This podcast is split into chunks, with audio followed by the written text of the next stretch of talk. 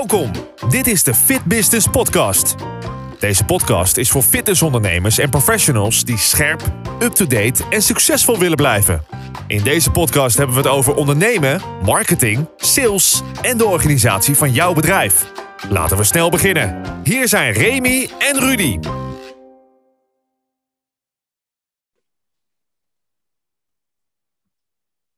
Welkom bij weer een nieuwe aflevering van de Fit Business Podcast. Natuurlijk met mijn co-host Rudy Godding. Welkom Rudy. Leuk dat ik er weer mag zijn, Remy. Ja, ja, ja absoluut. En de, ene keer ben ik de co-host, vandaag ben jij de co-host. Eh, en we hebben een speciale gast vandaag, namelijk Chi. En Chi is iemand die ik al jaren volg. Ik heb zelf een tweetal opleidingen, niet alleen ik, maar ook mijn vriendin, een tweetal opleidingen bij hem gevolgd. is ook met regelmaat te vinden op social media en dergelijke met enorm interessante topics. Dus dat was eigenlijk een no-brainer om hem uit te nodigen voor deze podcast. Dus uh, Chi, hartelijk welkom in onze podcast. Ja, dankjewel uh, voor, uh, voor de uitnodiging. Ja. ja. en ik weet zeker, we kennen elkaar natuurlijk al, al jaren.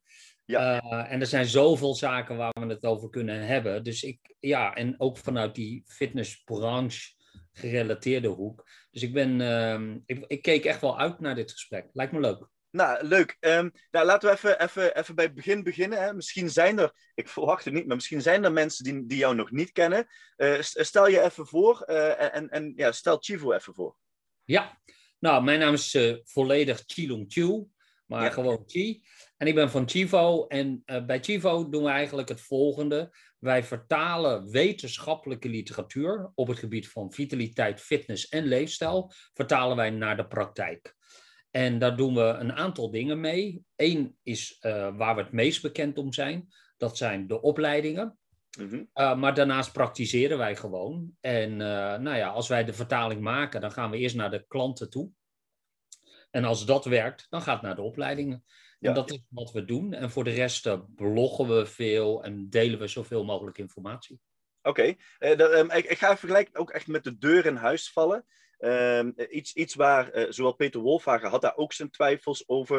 Uh, die hadden we onlangs in, in de podcast. Ook wij hebben hier enigszins twijfels over. Ik ben benieuwd wat, jou, wat jouw visie hierop is. Uh, momenteel, de fitnessondernemers hebben massaal de campagne omarmd dat fitness is het nieuwe medicijn. Um, zijn wij als branche eigenlijk wel klaar om dit te roepen? Uh, zijn we al zo ver ontwikkeld om te zeggen, ja, wij zijn dat medicijn, of zijn we eigenlijk nog steeds ja, eh, eh, die speeltuin en daar kunnen mensen bewegen? Nou, ik denk dat we die vraag kunnen beantwoorden vanuit een zakelijk perspectief. Want hoe lang zijn we al bezig met het idee retentie? Ja. En uh, nou, daar, daar zijn best wel op zich goede uh, zaken op ontwikkeld. Maar de, de, retentie is niet echt heel veranderd. En als ik dat dus koppel aan het leefstijldeel, dus mm. bewegen als medicijn, dan is de kern niet zozeer van wat je doet, um, maar wat je kunt volhouden. En ja. in volhouden, daar zit zeg maar de sleutel. Um, want laten we ook eerlijk zijn, uh, als het gaat om bijvoorbeeld afslanken en bewegen en de goede voornemens, dan kunnen honderdduizenden mensen, die doen dat gewoon elk jaar. En die doen dat zonder hulp. En ze halen ook nog resultaat. Zijn bereid om te investeren in boeken, in maaltijden, uh, in, uh, in nieuwe gear. Mm-hmm. um, en, en, maar uiteindelijk zie je dat ze ergens het jaar erop, op 1 januari, dachten: Oh, ik was ergens mee bezig. Uh, maar onderweg is dat gesneuveld. Dus ik denk, ik, ik bedoel, we zijn allemaal over eens dat bewegen goed is voor ons. Daar is verder geen discussie over.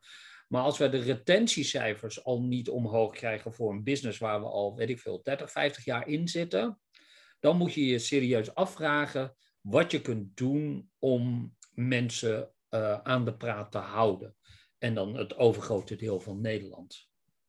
Ja, Oké. Okay. Dat ik een heel, sterk punt, uh, Sheet. Maar wat is dan, denk jij, uh, eigenlijk de reden dat uh, fitnesscentra, met name die dan, de mensen niet, vol, niet vast kunnen houden, niet kunnen zorgen dat ze kunnen volhouden?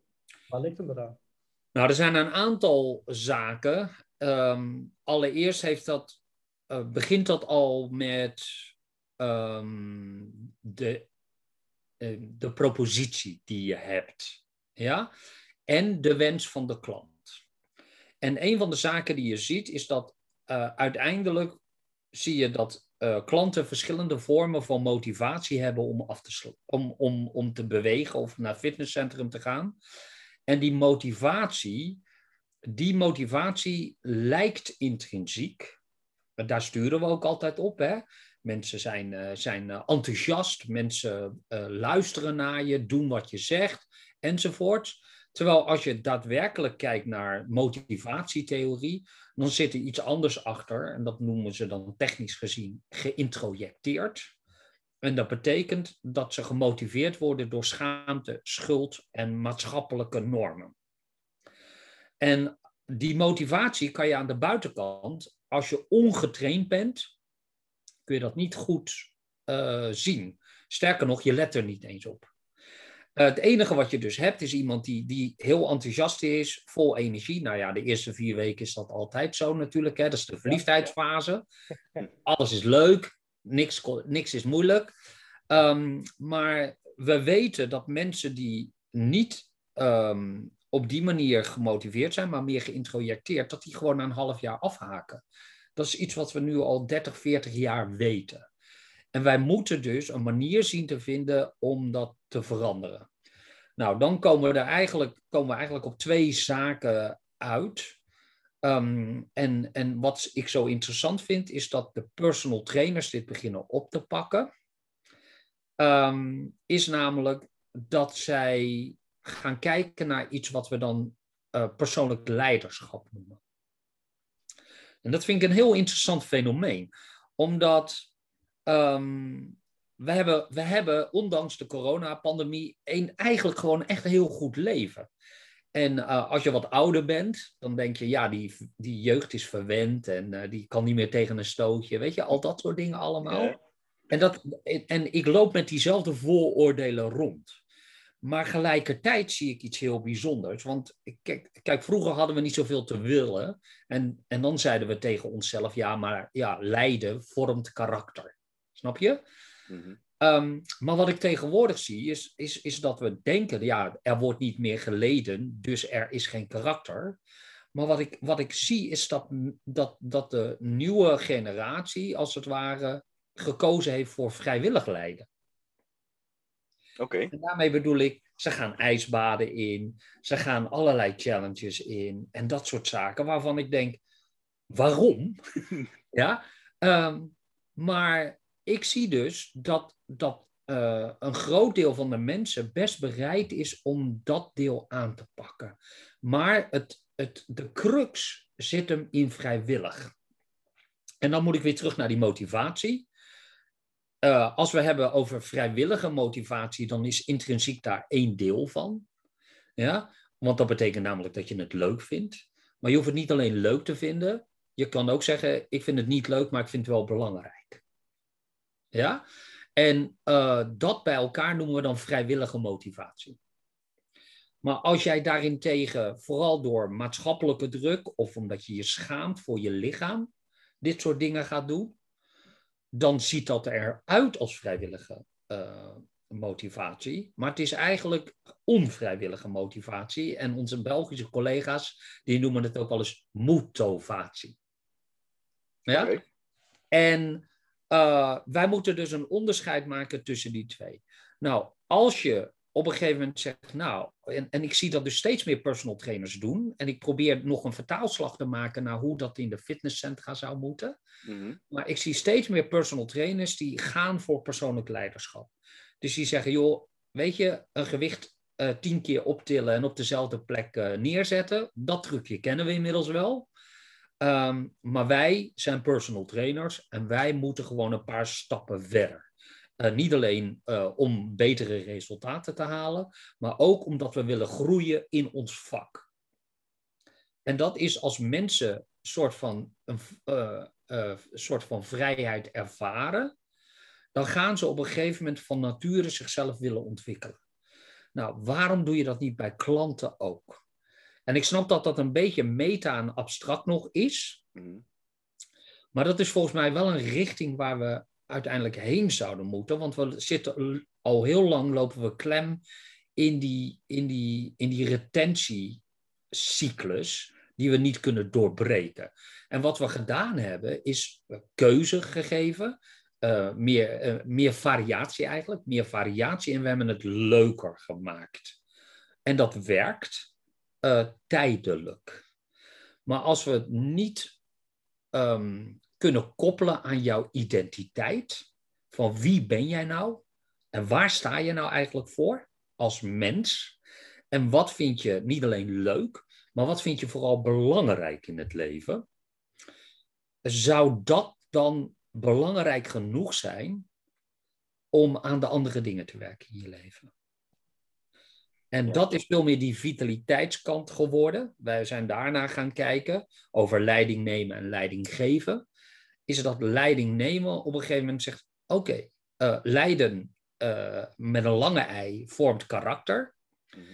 Uh, maar jij moet dan echt voor jezelf nu gaan uitzoeken wat de moeite waard is om voor te willen leiden. Ja, ja. Ja? Ja. En nou, dat in essentie is een soort van de ontbrekende sleutel in, in de breed, breedte van het woord. Mm. Uh, van, van, de, van, van in de maatschappij zelfs. Is dat we niet zo goed meer weten, allemaal, wat wij belangrijk vinden in het leven. We komen in een soort maalstroom. En dan bepaalt de situatie dat. Dus als je kinderen krijgt, dan zijn gewoon de kinderen belangrijk, weet je wel. En als, als, als dat gebeurt, uh, je hebt ontslag, dan is in één keer werk belangrijk en al dat soort dingen. Dus we, we hebben nooit geleerd hoe dat precies werkt. En, uh, en, en, en uh, ik zie dus personal trainers die op zoek zijn naar groei, die zijn daar dus mee bezig. En of dat een ijsbad is voor de een, of de ander zegt: ik moet gewoon elke week een boek lezen. Of ik moet uh, gewoon uh, drie challenges per jaar hebben. Um, zij zijn bezig om. Zij snappen heel goed dat er zonder strijd geen overwinning is. Oké. En ja. eigenlijk, eigenlijk wat je nu omschrijft, hè, dat vind ik wel mooi, want je had het over dat hè, je hebt die eerste maand dat iemand lid wordt ook van een club, hè, dan zijn ze nog verliefd, hè, dan is ook ja. alles mooi, is de beleving, ze komen afgemat thuis, uh, ze hebben spierpijn, zelfs dat is dan op dat moment nog leuk, na, na, na maanden spierpijn niet meer zo leuk. Um, ook vaker de club in het begin. Ja, ja hè, dus, dus, hè, en, en dan heb je eigenlijk die experience economy, hè, waar we de beleving creëren. Dat is eigenlijk iets waar we in het verleden vaak op zaten. En we zien dat we nu ook heel erg schuiven naar die impact-economie. En dat is wat jij net aangeeft, hè, dat, dat het niet meer gaat om de beleving die we in een club creëren. Hè, of dat nu, hoe geweldig dan bijvoorbeeld een groepsles gegeven wordt met mooie discolampen, noem maar op. Maar het ja. gaat er meer om van welke impact, welke uh, positieve impact heb ik op mijn deelnemers, op mijn klanten als personal trainer om Zeker. te zorgen dat die op lange termijn hier succesvol En dat wordt dadelijk het succes wat gemeten wordt. Niet meer het getal van ik heb mijn agenda volgeboekt als personal trainer, maar meer van mijn uh, volle agenda heb ik de helft uh, echt een impact gecreëerd. En dan heb je daadwerkelijk resultaten geboekt. Ja, zeker. En helemaal mee eens. Dus die shift is er in, in de breedte. Mm. Uh, en de personal trainers zijn een soort van vooruitgelopen, omdat die ook flexibeler zijn. Het is nu allemaal een kleinere partij. En de fitnessbranche die begint nu te volgen. Um, en de vraag is dus, als we het dan hebben over impact, wat zou je dan definiëren als impact? Dus als jij als trainer de opdracht krijgt, joh, volle klasse, leuk, maar creëer impact. Wat zou, zou, zouden jullie definiëren als impact? Ik, ik heb denk ik een idee gegeven van hoe, hoe ik ernaar kijk. Ja. Maar hoe zouden jullie dat zien? Nou ja, goed, kijk, weet je, als je terug gaat kijken, als, als ik op impact ga kijken, dan, dan, uh, uh, dan zou dat in principe een, een, positieve bijdrage moeten leveren aan een verandering die iemand in wil zetten. Ja. Uh, hè, dus als iemand die 10 kilo af wil vallen, dan is, vind ik de, de impact groter. kijk, wat je, laat ik het anders stellen. Ik, ik heb een klant, ik, ik pak even een voorbeeld, een ervaring. En die klant kwam binnen omdat ze wilde afvallen. Ja. Maar, uh, en die ging echt, die deed echt uh, opgeteld bij elkaar. Uh, meestal splits ik de lessen uit, doe ik nu even niet voor het gemak. Maar die deed echt iets van 13 of 14 groepslessen in een week. En in een goede week kon ze de 15 halen. Ja. en nou, wat doen de meeste, me meeste coaches? Die gaan er naartoe en zeggen: Hij wil afvallen. Je sport te veel. Dat gaat je niet lukken. Nou ja, ik weet niet of dat het gesprek is wat je gelijk aan wil gaan, want uh, er is een reden. En ze deed ook high-intensity intervaltraining. En tegenwoordig op die polar horloges zie je heel mooi in kleurtjes waar de hartslag zit. Nou, die zat echt niet aan de maximaal. En, maar toen je het gesprek met haar aanging, en, en niet over het aantal lessen, maar gewoon over haar persoon. Na een aantal weken kwam je erachter dat het niet het afvallen was, maar haar man had een drukke baan, zat vaak in het buitenland. Haar kinderen zaten op kamers en met een beetje geluk kwamen ze in het weekend terug. Dus die was gewoon eenzaam. Die zocht het sociale, de sociale factor op. En als je daar dan op gaat focussen, en, en ik noem dat spinnenweb creëren, dus de, hè, connecties en sociale connecties bouwen binnen de club, hè, van mensen die, die uh, dezelfde, uh, weet ik veel, hè, de, dezelfde uh, filmstijl leuk vinden in de bioscoop, die hetzelfde restaurant leuk vinden, waar je over kan praten, die hetzelfde televisieprogramma, waar ze dus op, een gegeven moment sociaal mee, toen, dan creëer je een impact. de ja. impact is ook voornamelijk de waarde die het jou oplevert. Hè? je kunt inderdaad zeggen, Remy, ik wil 10 kilo afvallen. Maar dat is een mooi getal. En als je dat bereikt hebt, wat dan? Gaan we dan terug of ga je verder? Het gaat meer op wat levert dat jou dan op? Want dat is eigenlijk de reden ook waarom je het wellicht wel gaat volhouden. Als dat voor jou helder genoeg is. Maar, zie, is de fitnessbranche daar klaar voor? Om zo te werken? Nee, heel duidelijk niet. Als ik alleen al. Oké, dat was inderdaad heel duidelijk, ja. ja. Er zijn eigenlijk twee, twee uh, zaken, als ik, als ik zeg maar de gesprekken een beetje, uh, nou ja, ook wat, wat Remy destilleert hij zegt, um, feitelijk zegt het, het gaat om connectie maken. Ja, dat noemt hij spinnenweb. Uh, maar connectie maken um, is op zichzelf staand ook al een vak, ook al ben je er intuïtief goed in. Ja. Um, en inderdaad, je kunt iemand aanspreken. Joh, misschien doe je te veel lessen en dat, uh, daar ga je je resultaat niet mee bereiken. Ik heb dat vroeger ook gedaan. En uh, daar gingen mensen minder lessen draaien. Maar omdat ik freelance uh, trainer was en in heel veel sportscholen kwam, uh, zag ik zo op een gegeven moment dat ze gewoon drie abonnementen hadden afgesloten. Ja. Um, om maar wat te noemen. Dus ik kwam ze in drie sportscholen tegen. Dus in eerste instantie denk je, oh, weet je, ik heb, ik heb impact gemaakt met mijn gesprek. Mm. Maar je ziet dus dat dat niet werkt, omdat de motivatie niet vrijwillig is. Ja.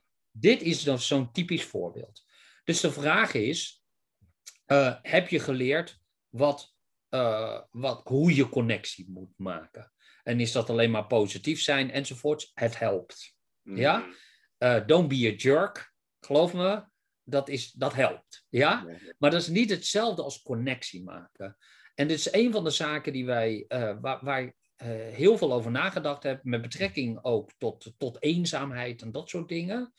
Um, dan kun je wel um, uh, bij elkaar komen, maar dat, dat, wil niet zeggen dat je connectie hebt. Je kunt eenzaam zijn in je eentje, je kunt eenzaam zijn in een groep en je kunt eenzaam zijn in een huwelijk. Mm uh, dus het heeft niet zoveel te maken met bij elkaar komen. De vraag is, wat is nou een goede connectie? Nou, waar leer je dat? Um, want als jij, als jij als, als uh, stel je bent, uh, je bent kind en jouw ouders zijn bevriend met een ander stel. Ja? Nou, die zoeken elkaar op. Jij wordt als kind gewoon meegesleurd. Nou, en uh, dat andere stel heeft ook een uh, kind. Nou, dan horen jullie met elkaar te spelen. Gewoon, enzovoorts. Dan krijg je ruzie met elkaar. Nou, dan zeggen je ouders, hé, hey, uh, niet doen, bied je excuses aan, wees lief, enzovoort. Ja, maar ik vind hem niet aardig. Nee, maar je hebt ook wel eens ruzie met je broertje. ga, maak het goed en ga weer spelen met je vriendjes. Ja, met je vriendje. Oké. Okay. dat is best interessant omdat wat maakt die ander dan een vriend? Waar heb ik geleerd dat dat een vriend is? Behalve dan dat ik meegesleurd ben mm. en dat die er toevallig was. Dus waar leer je dan connectie maken? En um, als je trainers, de vraag is natuurlijk hoe je als, als trainer uh, leert om connectie te maken op een professionele manier, waardoor je daadwerkelijk binding kan krijgen met mensen. Ja? En, uh, want dat is waarom mensen, dat is waar het, het hart zit van uh, retentie. Retentie zit hem niet alleen in de beleving, tuurlijk helpt allemaal, maar retentie is als je connectie kan maken met jouw klanten. Nou, veel groepslesinstructeurs kunnen, de goede doen dat van nature, die, die, hebben, daar, um, die hebben daar gewoon talent voor. Mm. Um, maar de, de vraag is, kun je het breed uit door het hele fitnesscentrum leren? wat is dan connectie? En de connectie zit hem eigenlijk in twee belangrijke aspecten die je zou kunnen leren. Een goede connectie is, begrijp je elkaar? Dat is één factor.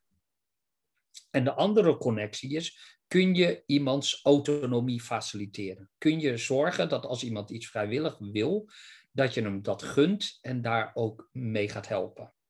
Dat, zijn, dat is eigenlijk de, de basis voor elke goede connectie.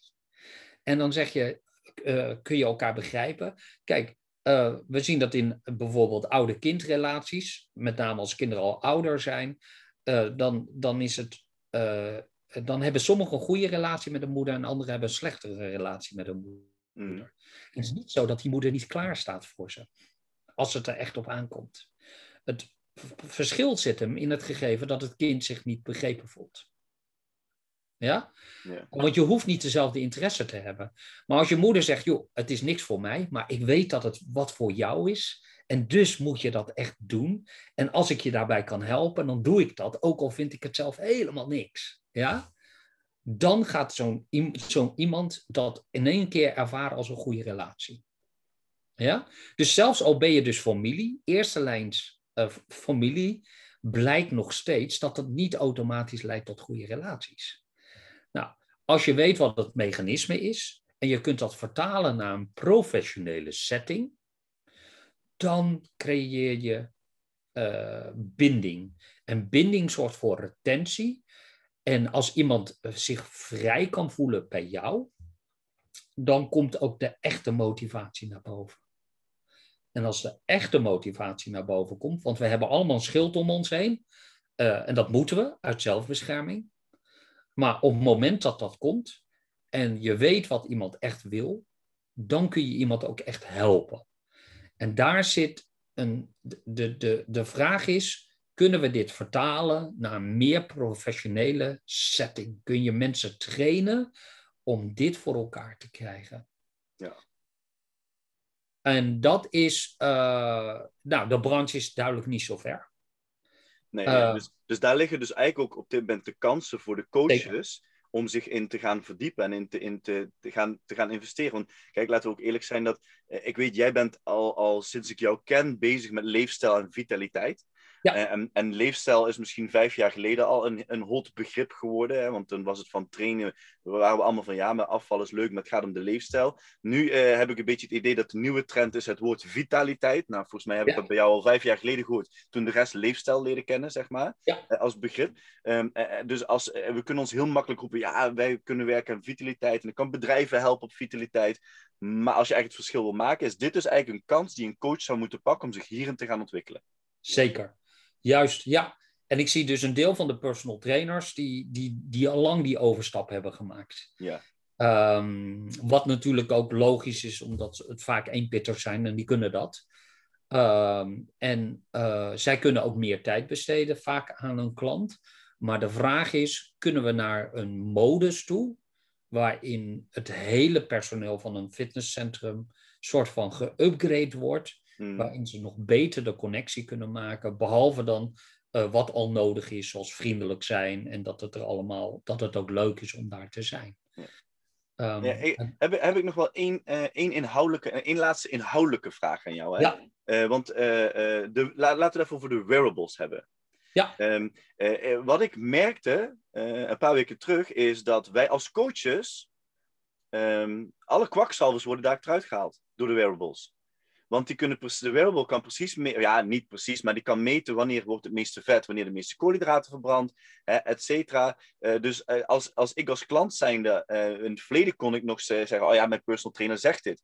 Tegenwoordig denken we alles ook op YouTube terug te kunnen vinden en dan ga je nog de discussie aan kunnen onderbouwen. Maar als dadelijk je wearables anders uit gaan geven als personal coach zijnde, je moet denk ik echt wel een goede, eigenlijk de, de brug worden tussen die wearable en die klant. en dat gaan gebruiken als tool, want uh, uh, ik, ik, denk dat als jij niet het verschil kan gaan maken als personal trainer of als coach zijnde, en iets vertelt wat niet in de cijfers terug te vinden is in die wearables, dan gaan we het zwaar krijgen. Ja, ja maar je bedoelt dan de... Sorry?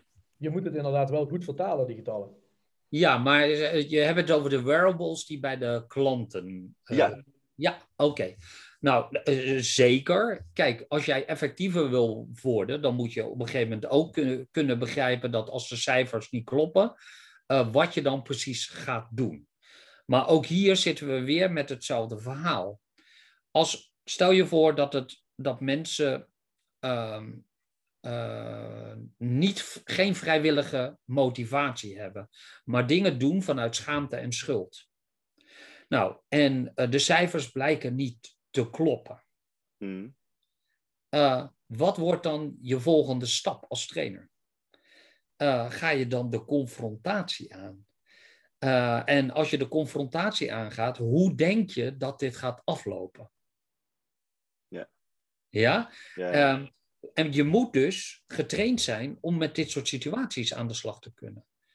Uh, want we hebben dezelfde discussie als iemand zegt: joh, luister, uh, ik, eh, ik heb gegoogeld. Ja. ja.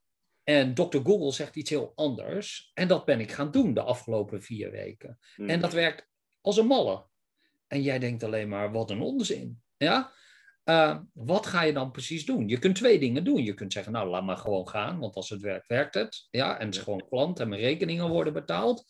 Of je kunt de confrontatie aan, maar dan zit je in één keer in een strijd met iemand. En nu zie je steeds hoe ik terug blijf komen op motivatie en connectie. Ja. En als je, om heel eerlijk te zijn, um, als ik, als ik kijk naar alle tools en alle toffe dingen die we hebben, als, als, als we de, de, de connectie en die motivatie, als we dat deel niet goed onder controle gaan krijgen, dan is het redelijk duidelijk dat dat, dat, dat, dat soort van randfenomenen zijn. Mhm. En ik wil naar de kern toe. Ik wil, ik wil onze branche upgraden door te zeggen, luister, kun jij connectie maken? Kun jij onderscheid maken tussen de verschillende vormen van motivatie? Weet je wat je moet doen? Kun jij in verschillende situaties ook daadwerkelijk zo handig inspelen dat je de motivatie, de vrijwillige motivatie doet toenemen, zelfs in confronterende situaties. Ja. En als dat lukt, dan kunnen we ook makkelijk over, door die wearables heen. En dan kunnen we zeggen, nou, hey joh, het is niet gelukt. Het is echt jammer. Ja, Ehm, en, en, en ik kan daar bijvoorbeeld één, één ding in vertellen, maar ik, ik zie heel vaak als iemand zegt, ja, ik heb geen tijd gehad, ja, dat er dan herinnerd wordt aan prioriteit. Ja? Oh, ja. Ik denk, joh, sorry, maar ik, ik ken jouw leven niet. Misschien heb jij, kom jij uit een vechtscheiding, heb jij drie banen. Ja? Uh, en uh, ben jij gestuurd door je werkgever, want die vond ook iets van jouw gewicht, weet je wel. Mhm. En nu kom ik bij een, een, een, een in een fitnessbranche uh, die, die, die mij ook al probeert iets op te leggen, terwijl ik, terwijl ik net mijn hoofd boven water kan houden. En, en op dat moment ga, ga je zien dat er nog meer sociaal gewenst gedrag gaat komen. Maar die persoon gaat niet opknappen. En die persoon, zodra zijn werkgever niet meer oplet, is die via de achterdeur alweer verdwenen. En daar, daar verliezen we zoveel. Dat zijn zulke grote lekken. Uh, mensen moeten weten dat als ze bij ons komen, dat we ze niet afbreken, maar dat ze er sterker uit gaan komen. Mensen moeten weten dat als, als, wij, als ze bij ons komen of als ze weggaan, dat wij hun het grootste geluk toegunnen. En dat wij iets aanbieden omdat wij daadwerkelijk denken dat met ons we, het veel beter gaat. Ja? En als iedereen daarvan overtuigd is, dan neemt de retentie toe, neemt de impact toe. Uh, en, uh, en zijn we bezig met de kern in plaats van allerlei randzaken. En pas dan kan fitness ook het medicijn zijn. Dan kan, ja, er is geen discussie over dat, uh, dat als, als 40, kijk, 40, 45 procent haalt de NNGB.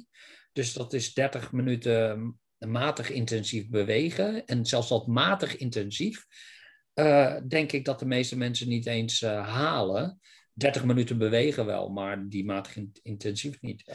En, en, um, dus we hebben daar heel veel te winnen. En matig intensief betekent met 6, uh, zeg maar, metabol equivalent. En ja, als, als, als, we, als 40% zeg maar gemiddeld dat maar haalt. Als je, als je dat doet, als je met 6 kan halen, dan weten we dat de levensverwachting, de kans dat jij een normale levensverwachting gaat halen, wordt gewoon verdubbeld. Dat, dat, is gewoon, dat zijn gewoon de cijfers. En, ehm, eh, en, en, en dan is fitness gewoon een medicijn. Ja, en wie wil dat nou niet? Nou, dat hangt. Er, ja, maar dat is een goede vraag. Omdat uh, ik heb me dat ook heel vaak gevraagd. Maar stel je voor dat jij alleen maar sociale druk hebt. Heb jij dan nog een reden om te leven? Ja. Eh, en als jij uh, geen duidelijke reden hebt om te leven, maar alleen maar bezig bent met overleven, dan ben jij niet bezig met over hoe het er over tien jaar uitziet. Uh, als ik in een overleefstand sta, dan ben ik maar met één ding bezig, namelijk haal ik het einde van de dag. Ja. En als ik het einde van de dag haal, dan, dan heb ik het prima gedaan. Ja. ja? Overleven heeft maar één doel natuurlijk. Precies. En wat je dus ziet is dat mensen die geen reden hebben om te leven, die hechten ook geen waarde aan gezondheid. Uh, dus, en en zo'n overleefstand, dat moet je niet zien vanuit een soort van oermens paleolithisch uh, verhaal, mhm. maar gewoon het gegeven dat, dat, dat ik soms, als ik bezig ben met een taak, dat mijn gedachten um, uh, uh, ergens anders heen gaan. Dus naar, naar financiële problemen, naar relatieproblemen, naar niet goed in de groep liggen, naar, weet je, al dat soort dingen. Mhm. Als ik daarmee bezig ben, ben ik niet bezig met mijn taken. Als ik daarmee bezig ben, ben ik niet bezig met mijn gezondheid. En wij kunnen, omdat we zoveel contact hebben met die klanten, hebben wij, wij hebben al die kansen. We hebben niet de skills. En niet de focus om te weten waar het echt om draait. En juist dat deel is denk ik belangrijk. En mensen moeten daarin scholen. En een van de zaken is dat je je moet verdiepen in uh, bijvoorbeeld de zelfdeterminatietheorie. Nou, Remy weet daar alles van. En ik weet dat, uh, dat, dat, um, dat er een boek is verschenen uh, uit, de, uit de hoek um, van Middelkamp over de zelfdeterminatietheorie. Nou, dat is een goede start. Ja, um, dus daar kunnen ze dingen natuurlijk echt uit. Um, ja, dan kunnen ze gewoon. Dan begrijpen ze al veel beter hoe connectie werkt en wat je ermee in de praktijk kunt doen. Ja? Ja, mooi. Eigenlijk wilde ik je vragen: welke tips zou je geven dat uh, de coach eigenlijk vandaag of morgen moet gaan doen? Chi, ik dank jou voor jouw aanwezigheid. En uh, nou, ik denk echt, nou dat denk ik niet, dat weet ik wel zeker, dat dit een super waardevolle half uurtje is geweest voor onze luisteraars. Remy, jij ook bedankt. En uh, ja, we gaan de aflevering uh, uh, die we nog gaan plannen met jou ook alweer vooruitzien. Dus ik, ik wil je bij deze uitnodigen voor nog een volgende keer. Ja, nou, allereerst graag gedaan. En het was mij, was me een eer en een genoegen om hierbij te zijn. Nou, dat is mooi te horen. Ja. Dankjewel.